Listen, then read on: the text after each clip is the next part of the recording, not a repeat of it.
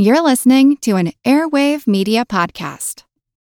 Another day is here, and you're ready for it. What to wear? Check. Breakfast, lunch, and dinner? Check. Planning for what's next and how to save for it? That's where Bank of America can help.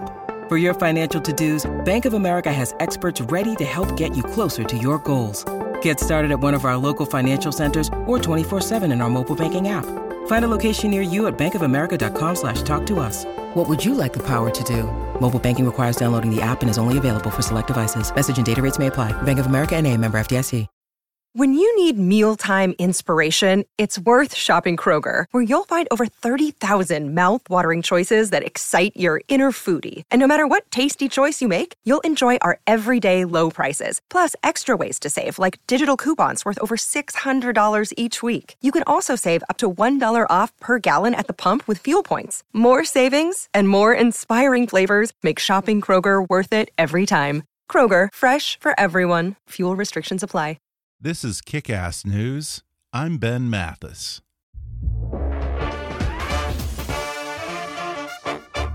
Hey, folks, quick favor to ask. We love having great advertisers support the show, but in order to continue doing that, we need your help. So please go to podsurvey.com slash kick and take a quick anonymous survey that'll help us get to know you a little better. That way we can show advertisers just how great our listeners are. Even if you've taken our show's podcast listener survey before, the current one is new and different, so I'd really love it if you took it all over again. Plus, once you've completed the survey, you can enter to win a $100 Amazon gift card. Again, that's podsurvey.com slash kick. P-O-D-S-U-R-V-E-Y dot com slash kick. Thanks for your help.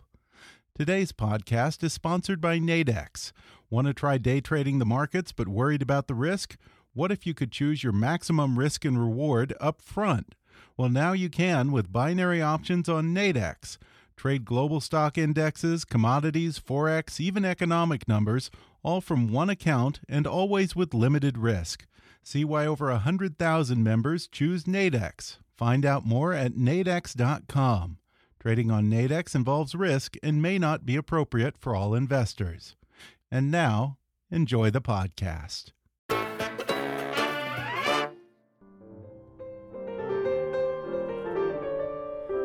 David was small, but oh my.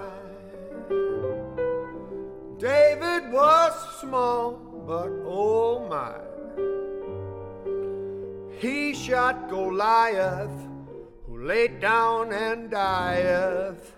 David was small, but oh my.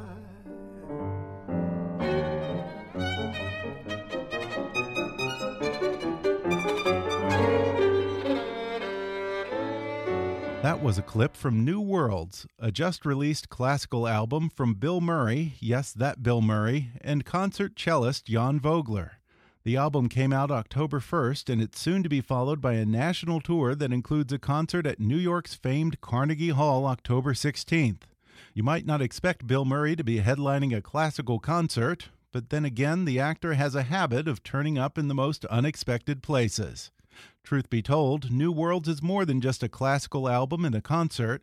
Murray and Vogler described the project as an exploration of American identity and values through a combination of classical music performed by Vogler and friends and Bill Murray's unique interpretations of beloved American literary classics and songs. Today, Bill and Jan join me on the podcast to talk about how New Worlds evolved from a chance meeting on a flight from Berlin to New York, and how the actor and the cellist act as each other's creative muse. Bill Murray describes the similarities between comedy and poetry, mourns the death of the American humorist, and passionately rejects those stodgy rules that say a song has to be sung in a particular way or a poem has to be read with a certain rhythm. Jan recalls growing up in Soviet East Germany and how he says he was set free by reading the great American classics in his father's library. Plus, the Tao of Bill Murray and the real scoop on some of those legends you've read about him on the internet. Oh, and there may or may not be an orgy going on in the sound booth. Coming up with Bill Murray and Jan Vogler in just a moment.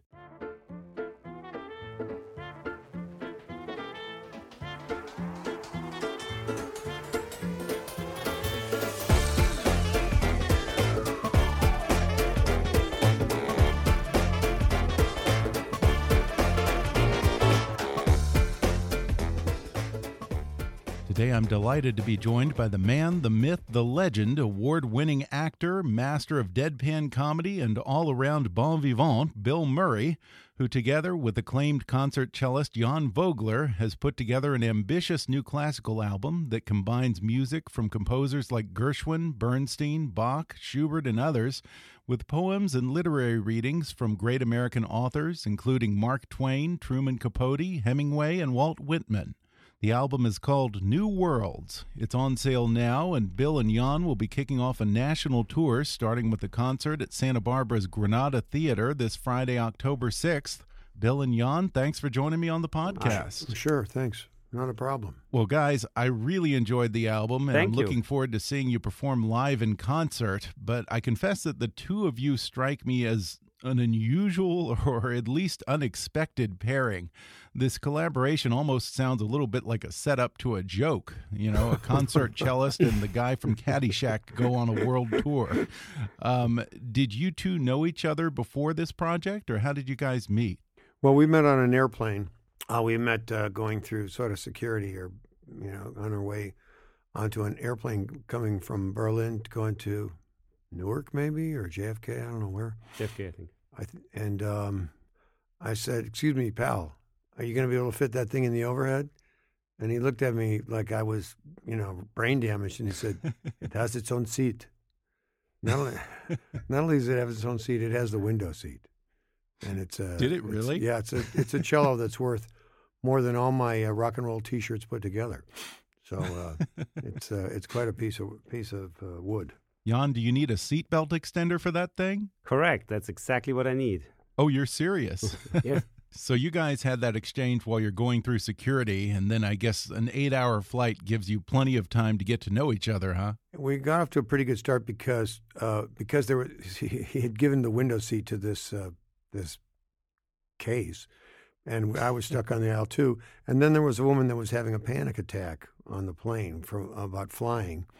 So we just sort of looked at each other and realized we were we we assumed that we were qualified to calm down someone that was having an attack, and we spent the next few hours of the flight just uh, making her feel all right. And it was we had fun doing it too, because you know you can't have someone that's in panic without getting some jokes in.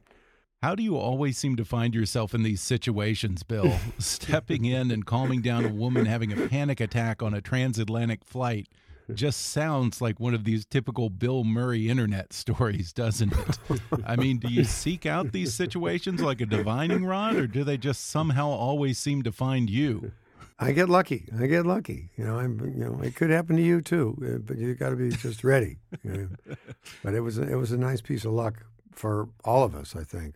And you guys just stayed in touch after that, or what? So we had a lot of fun doing that, and then then we kept it up. I mean, we, we what, what did we do? We you know we uh, you know party party or two, and maybe a movie premiere or something, and then we did a a poetry uh, event. I invited Jan to a poetry event.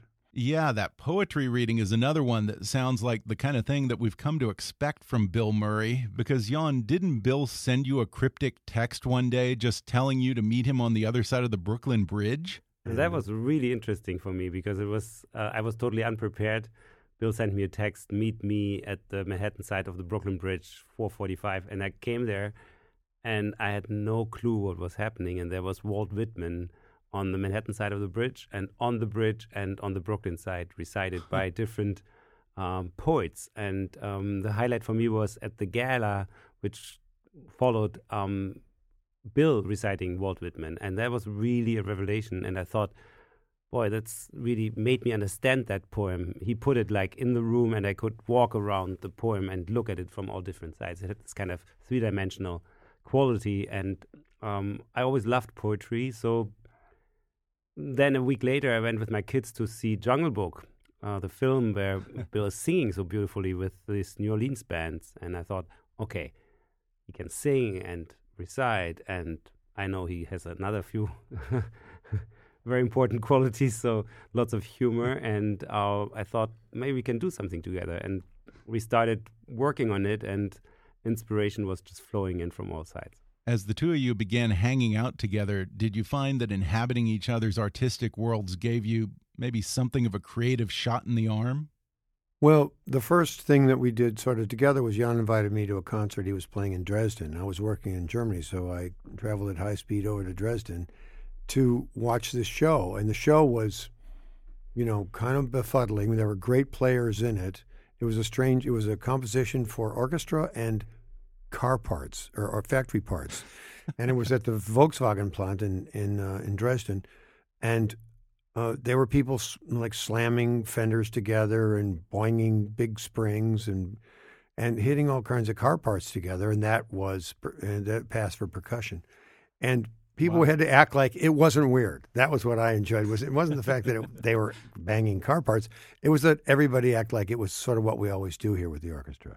They acted like no big thing, and I thought, wow, that's a pretty pretty stern, stiff, straight face these guys are pulling. And then we just hung out afterwards, and I realized that uh, classical musicians stay up late. You know, they don't yeah. go right to sleep. You know, and uh, and they laugh a lot, and they they have, always have enough ice, and uh, they're, they're, you can count on them in an emergency situation after a show.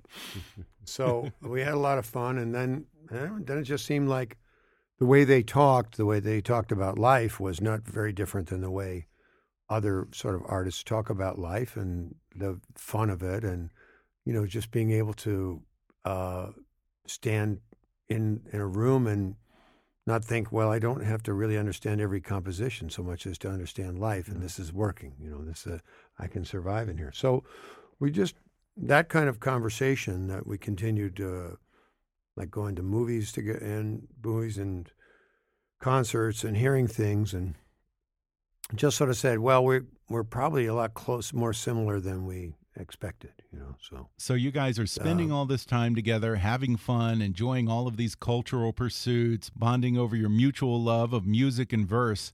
At what point did you guys say, you know, maybe we should collaborate on something and start to figure out what that project was going to be? Well, the first idea, well, Jan did all the work, so I'll let him do all the talking. But we, we, we before there was an album, there was the idea of just playing. First, we just played. Go ahead. Mm -hmm. Yeah, I think the idea of, an of a show, of something which could convey all the values we want to convey anyway, and but in a more condensed and uh, intense form. I must say that what we do in this show is basically what I try in every concert. But I think having the help of the word and these great authors uh, enriched and intensified the message so much. And so when you listen to the show, you you start thinking about life and about all kinds of things: empathy, sympathy, um, freedom. Um, all kinds of basic things which make uh, humanity um, go forward, I think. And these authors are not only great, they are really awesome. I mean, they are um, so special that each time I hear Bill reading them, I hear another detail on another inflection, and I just start thinking again about something. So, so it's uh, really lots of geniuses in this uh, show, and we can uh, basically, while we are performing them, we can also listen to them. That's, that's mm also great, um, great luxury, I must say, to be there and to experience it each time and to be part of it. I've heard you describe New Worlds as an exploration of American identity and American values through music and literature. Bill performs readings from the works of famous American writers who will no doubt be familiar to our listeners. We mentioned Walt Whitman, of course, but also Truman Capote, James Fenimore Cooper, Ernest Hemingway, Mark Twain. But for you, Jan, being from Germany, were you exposed to many of the great American literary classics, like, say, Huck Finn or The Deerslayer, growing up? Yeah, I, I kind of, with a certain melanch melancholy, I must say that I think my father would have been a great immigrant. My father would have become very happy in America. We lived in East Germany, and he he read all these books of American authors, and uh, they were available in, in, the, in, the, library in the house, and I read a lot of them of them uh, as a child in German translations. And when I came to New York and started speaking English, I uh, wanted to um, really uh, try to read them in English. So slowly I was catching up with the details of um, English language in Hemingway, Twain, or mm-hmm. Arthur Miller. So it's it's kind of a uh, been a beautiful journey, and I always think about my father and thinking like he loved freedom and he had all the freedom in his library at home in East Berlin. Yeah, it sounds like he would have loved this album. Yes. So, how did you guys go about selecting these music and literary pairings? Did you start with a poem or a story and then try to find music that evoked the spirit of it? Or did you start with the music and work off of that? Well, I guess the Whitman poem probably came from the Poet's House, Bridge Walk. Right. But um, Jan really put most of the stuff together. He dragged a bunch of books out and said, These are books that I know. And so I said, Okay, I think I know most of those. But the, the actual selections, Jan, you know, grabbed the selections um, and they came together rather easily. After we started playing together as a group, we began combining the music and the and the readings together. And that that turned out to be because we wanted to put things on the record, but the show was longer, and we thought, what if we did? What if we combined some of these things? And then found that that really played very well. It wasn't a cheat at all. It actually played, and there was some a different event occurred when you played and read at the same time. And Vanessa and Mira also they were a big help because I think looking in their eyes when we were uh, playing or trying something out, you you get a lot of response. If you have a good team and if you have good Mhm. uh, communications, you get a lot of responses, and you can feel if something is is right and something is ripe to be you know used in a program, or if, if you need to tweak it and turn it around. And and I think Bill is also a great. Um, kind of partner in this uh, in crime because when when I would have put something together and I would read an order of the pieces uh, next morning, and Bill would say, "Why don't you put number six at number two? It was just perfect. Like it was just hit the nail on the head. So, so I mean, the quality of this was really the, the collaboration, I think, and and the the um, energy which comes together. And I think for all great things in life, basically, collaboration is the key. If you really think about it, there is no single man advance in humanity. I think it's always uh, it must be inspiration, and then there's a wave of of energy built, and then you can ride on it. I think. Well, poetry has an obvious meter to it, but do you find that even literary prose has a certain pulse or rhythmic touchstones that sync well with classical music? Yeah, music, music in general, I think it has to be pretty much in sync, and uh, poetry has its own rhythm too. And uh, readings of of literature for me have maybe sometimes more rhythm than music. if you think about it, it's a bone. It's a the backbone of of of uh, language is the backbone of music, I think, and music came out of Mhm. language in a, in a way. No, don't you think, Bill? I don't. know. Well, I was just thinking that push starting a car is something where there really has to be a great collaboration because you pop the clutch. Well, don't pop the clutch, or you can put someone's face through the rear window if they're, if it's just not together. Um, yeah, I think uh, first there was a, a sound, a vocal sound. Yeah. In talking about the similar rhythms of music and literature, how about with comedy and poetry, Bill? Certainly, I suppose, in terms of timing and maybe in other ways, do you find that comedy and poetry are sort of two sides of the same coin? Yeah, there's a, reading when you're reading aloud. I think reading poetry is uh, has been a great help to me in all in everything I do because I had to sort of crack the egg in my head and realize that my own rhythm, the way I speak, is is a way that you can read a poem. That you don't have to read a poem the way you always heard poems, but up, but up, but up, but up. It doesn't have to be that sort of tightly wound, and that the rhythm of the poem is the rhythm of the ideas, not the feet. I, I, I find, you know, it's not the feet; it's the rhythm of the ideas, and you know, cheat is just a, it's just a, um, you know, it's just being polite. I think to uh, the guy laying out the print. I don't know. I don't understand. It doesn't have to sound that way. It doesn't have to feel that way, and the, and you can let that let the feeling of the ideas dictate the rhythm for you rather than the, the printer's ink. What you just said might be considered pretty revolutionary or even treasonous in some literary circles, but I do admit that I get what you're saying because as a kid, I remember poetry didn't really resonate with me. The teachers drilled it into us that poems had to be recited with a certain cadence and follow iambic pentameter or whatever structural conventions. And I remember it struck me as a surefire way to beat the joy out of the whole thing. But when I listened to you recite Whitman on this album, it's not just you, Bill Murray, trying to conform to some established set of rules about what Whitman has to be. And in a weird way, it actually seems more authentic to both you and Whitman. No, it, no, thank you. It's, I'm trying. I'm trying my hardest to be be myself, but and it's and it's a it's a delight to uh, to because it it's calling you just the way we were brought up. It's calling you to fall into the the the, the tiger trap of reading it the old fashioned way, and you've mm. got to avoid it. You've got to you've got to watch and say, no, no, it'll it'll it'll it will tell me when to speak. It'll tell me when to talk. Mm. You know, if mm-hmm. I just listen. So that's it's it's a lot of fun to do. It's it's not just fun. It's a it's a challenge, and you feel like you owe it to someone to uh, to uh, to keep these uh, poems alive, to keep them in circulation, to keep them uh, audible, to keep them heard. We're going to take a quick break, and then I'll be back with more with Bill Murray and Jan Vogler when we come back in just a moment. Warning if you're drowning in debt you can't afford, do not let the credit card companies convince you that you have to pay it all back, because you don't. What the credit card companies don't want you to know is that there's actually a way to get debt free without paying off your entire debt or going bankrupt. If you have $5,000 or more in credit card debt, you now have the right to let Credit Associates settle that debt for a fraction of what you owe.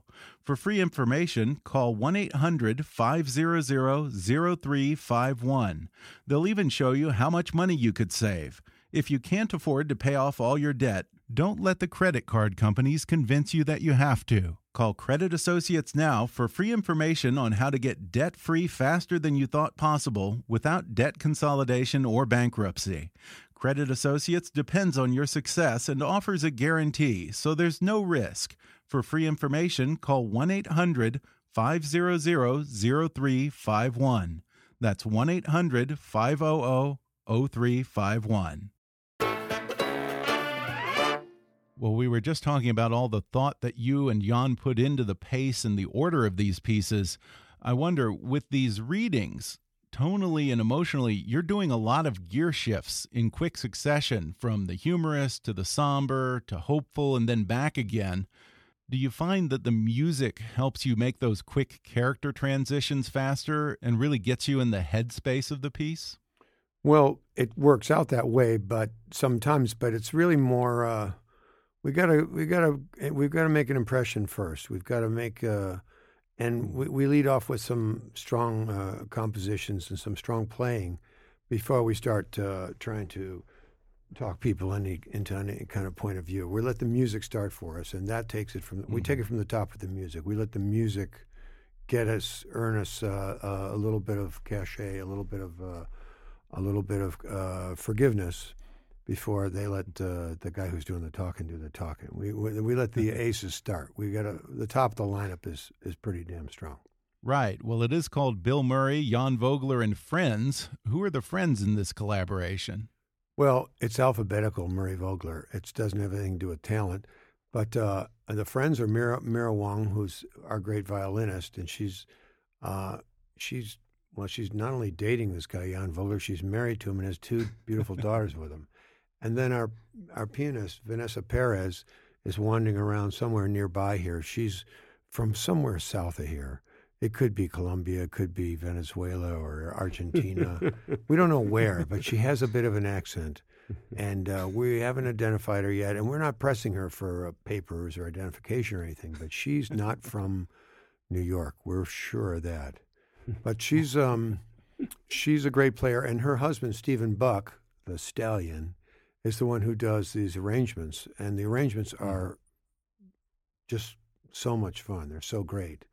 And he also comes along as a kind of a handsome stallion page turner every once in a while. So she's got like a, a, stud turning the pages for her, who also helps us out with the arrangements. And makes some ham on the side. And he also makes bacon, homemade bacon. bacon yeah, so, the bacon is know, pretty good. This guy's Thomas Jefferson, Stephen Buck, in that order right. great Americans. Renaissance men. Yeah. Well, pork products aside, I do find it interesting that you have this culturally diverse ensemble. And here you are fusing American literature with music not just from the American songbook like Gershwin and Bernstein, but also composers from farther afield like Astor Piazzolla, Bach, Schubert. In doing that, were you trying to say something about the universal resonance of music and its power to cross cultural boundaries?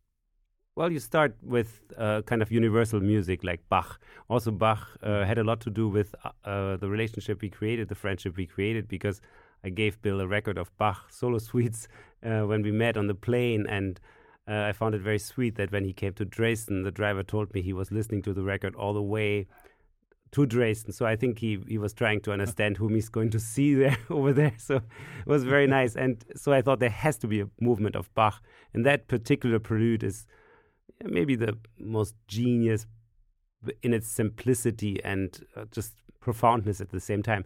And Whitman and Bach are kind of the universal big voices of humanity. And then we get more and more specific. Yeah. And if you look at Cooper Schubert, it's a um, transatlantic correspondence about nature. Um, Schubert read Cooper. That's um, very, very interesting. Both describe nature in an unbelievably genius way. And then more and more you you you find American art inspired by Europe, or you know Astor Piazzolla studied in Paris, uh, lived in New York, and composed uh, some of his tangos in New York. Very very interesting. And Ravel composed uh, blues in Paris in the 1920s. So mm-hmm. looked to America for inspiration, and so a lot of um, cross references and Mancini and um, Mark Twain. There's actually quite a connection if you look at it. Moon River, my Huckleberry right. friend, or Two Drifters, and then um, this beautiful scene from from Huck Finn, which Bill reads indescribable. I mean, for me, that's a moment in the show mm-hmm. when I mm-hmm. have to pull myself together and remind myself that I'm not here to listen. I'm also here to to do a job. So so it's quite um, emotional each time I listen to it, and and uh, I I usually the night after the show when Bill reads that scene is different from regular nights. Yeah. yeah, the reading of Huckleberry Finn with Moon River is probably my favorite moment on the album. Although I have to say that a close second would certainly have to be this section where the ensemble plays that bluesy piece by Maurice Ravel, and Bill reads James Thurber's comical short story, If Grant Had Been Drinking at Appomattox. it's so funny and so delightful. I think it has to be an underappreciated classic. And really, the whole genre of comedic short stories in the vein of Thurber or Mark Twain or Damon Runyon seem to have vanished from the American literary landscape. I don't see anyone writing humorous prose like that anymore. As a recipient of the Kennedy Center's Mark Twain Prize for Humor, Bill, do you consider that a blow to the tradition of the great American humorist?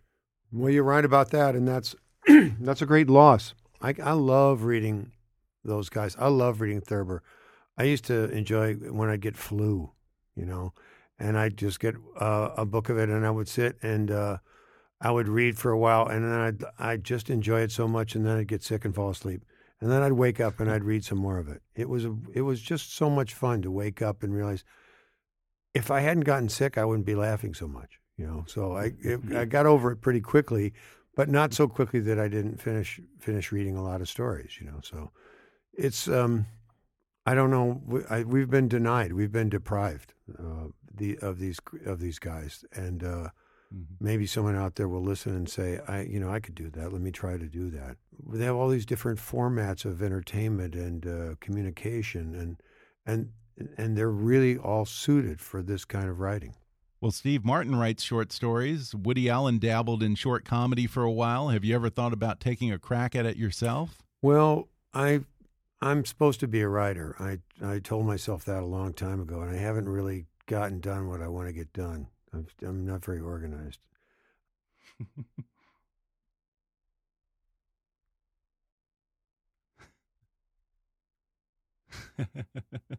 well, folks, we were supposed to go for a full half hour, but I'm getting a message from the publicist or the producer well, that we're going to um, have to cut things short at 23 minutes, well, unfortunately. Um, ben, if you see 23 minutes, we see 23 okay, minutes. Thank you. okay. All right. The problem is that some of these guys are going to change clothes. And if you hear the sound of undressing over the microphone, that's because some of the people in this room changing their clothes. Okay. okay. Fair enough. Okay. I'll, I'll keep it quick. that's a heads up. and there's a couple right. of people behind the soundproof glass that are doing kind of more exotic things. I know. Uh, that's enough. Oh, I want a play-by-play narration. Uh, you know, Ben doesn't need to. ben doesn't need to think about that. Come on. Uh, go ahead. Where were you? Well, it's a good thing this is audio only. Um, in addition to these literary readings, you sing on this album, including songs by James Foster and Van Morrison. There's a medley from West Side Story, and you also sing It Ain't Necessarily So from Gershwin's Porgy and Bess. Now, Porgy and Bess, you're talking opera there. That's no joke. That's some heavy duty stuff.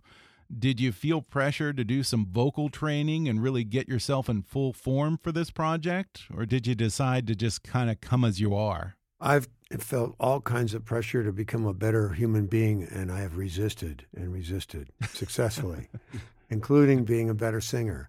Uh, but that's an example of something that's traditionally th- that those songs were traditionally sung in a certain rhythm, and I don't, uh, I don't cotton to that. I don't like the rhythm I think that the music is is something that is so extraordinary, and the and the lyrics are extraordinary too. And they don't have to dance atop each other. One of them doesn't have to be dominant. They can, they really can weave their way together. They're both independent and strong. And I like, I like playing with that rhythm too. That's I was very surprised to find that that sort of classic song easily stood uh, a knucklehead like myself changing something about it. That it was the music could hold any damage I could do to it, and still, still, uh, still persevere.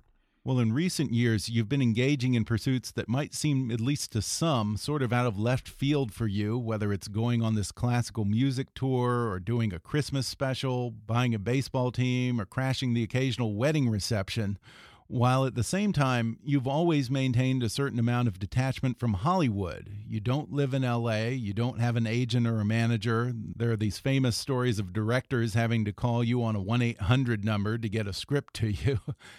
Is this indicative of where you are in life at this point? That maybe you're more attracted to doing something just because you've never done it before, or it's fulfilling a childhood dream, or maybe it just sounds like it'd be fun? As opposed to chasing an Oscar or the allure of a big Hollywood paycheck? Well, I find, and you probably do too, Jan, is like people ask you to do stuff all the time. Not necessarily mm-hmm. artistic projects either. They just ask you to do stuff because they want someone else to do something for them, whatever it is. And so I remember I got invited to speak at a, a at a uh, sturgeon biodiversity uh, event once at the Natural History Museum, and I thought, I thought, who the hell just wrote me this letter and said, "Would you show up at this damn thing?" And um, I thought, well, no one ever asked me to speak about sturgeon, and so I went, and I had a I had a great time, and that was a real another great moment where I realized, man, you just got to try the stuff that you've never tried that just sounds odd and weird mm-hmm. instead of staying in your wheelhouse all the time and doing the things that are easily done for you. And I find that even though I feel like, oh, what, what did I ever say yes to this for? Why am I doing this? When you get there, there's such a different set of circumstances and conditions that it creates life. It creates life and art that you would not have ever imagined. You couldn't have seen on the way in. You couldn't have imagined that something would happen there that happens. I have to ask, does it annoy you when you follow your creative muse or wherever life takes you, and then people in Hollywood or the entertainment media say, oh, that's Bill Murray. He's a risk taker. He's an enigma. Does that bother you? That that's sort of you know, I never, I, I, hate to hear people say, oh, he's a risk taker. The guys, you know, I want to punch him in the nose when I hear you're a risk taker. risk, I'll tell you, I'll show you some risk. You know, go work in a hospital, you know. But what we kind of do, the kinds of things where you just, you just want to stay alive, you know. You just want to yeah. stay alive. And, and the way we dull ourselves down from moment to moment is so deadly and such a flu and such a toxic disease we have that anything you can do to change your ordinary patterns is a good thing. You know, it makes you mm-hmm. alive again and alert. And brings inspiration, I think. And uh, Bill singing, for me, it brings me a lot of inspiration. So we had, um, I think in this show, it's also key because talking and music is beautiful, but uh, singing as a new element and as a glue in the whole thing is such a beautiful mm-hmm. thing. So uh, that that was the exciting part when I when I heard yeah. Bill sing, and I thought like this will really make the show. Well, before we go, I threw it out to the listeners if they have any questions for the two of you. I know that your publicist is dying to get you out of here to your next event, so I'll just limit it to one. It's for Bill. Kevin in Boston writes I love reading about regular people's interesting and unusual encounters with Bill Murray.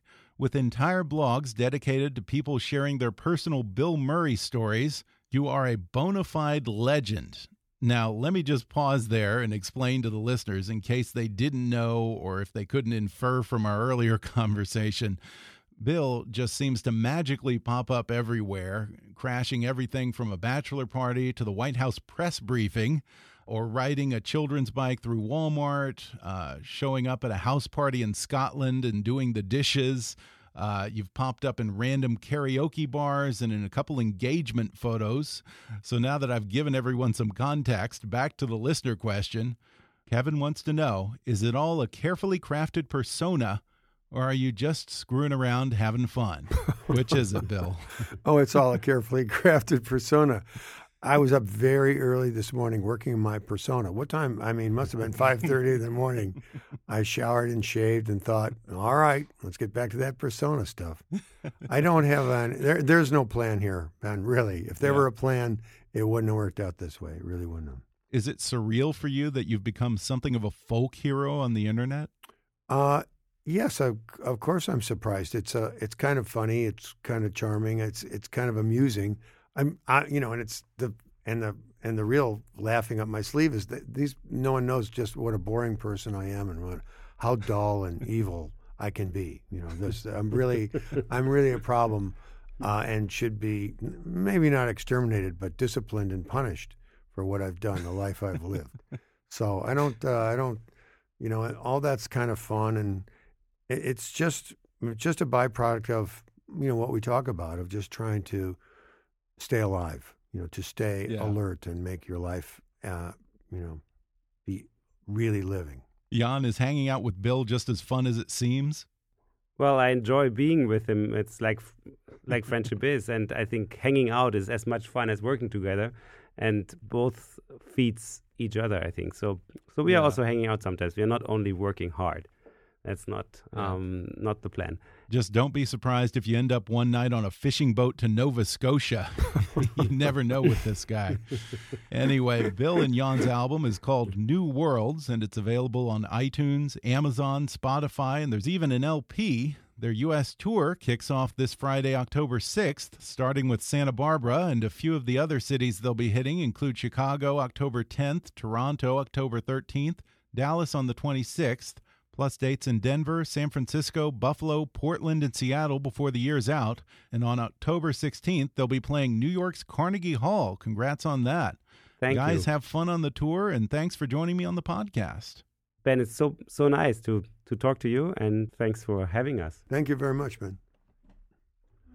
That exotic dancing behind the window is not proper. Proper.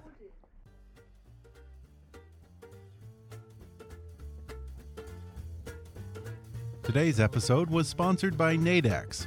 Want to try day trading the markets but worried about the risk? What if you could choose your maximum risk and reward up front? Well, now you can with binary options on Nadex. Trade global stock indexes, commodities, forex, even economic numbers, all from one account and always with limited risk. See why over 100,000 members choose Nadex. Find out more at nadex.com. Trading on Nadex involves risk and may not be appropriate for all investors. Thanks again to Bill Murray and Jan Vogler for coming on the show. Once more, their classical album New Worlds is available on iTunes, Amazon, Spotify, and wherever you buy music. For dates and tickets to see Bill and Jan live as part of their New Worlds tour, visit janvogler.com. Also, if you haven't already, be sure to subscribe to Kickass News on Apple Podcasts and rate and review us while you're there. And please take a moment to take our listener survey at podsurvey.com/kick so we can get to know who's listening and it's also helpful with our advertisers. Like us on Facebook and follow us on Twitter at, at KickassNewsPod. And as always, I welcome your comments, questions, and suggestions at comments at kickassnews.com. For now, though, I'm Ben Mathis, and thanks for listening to Kickass News.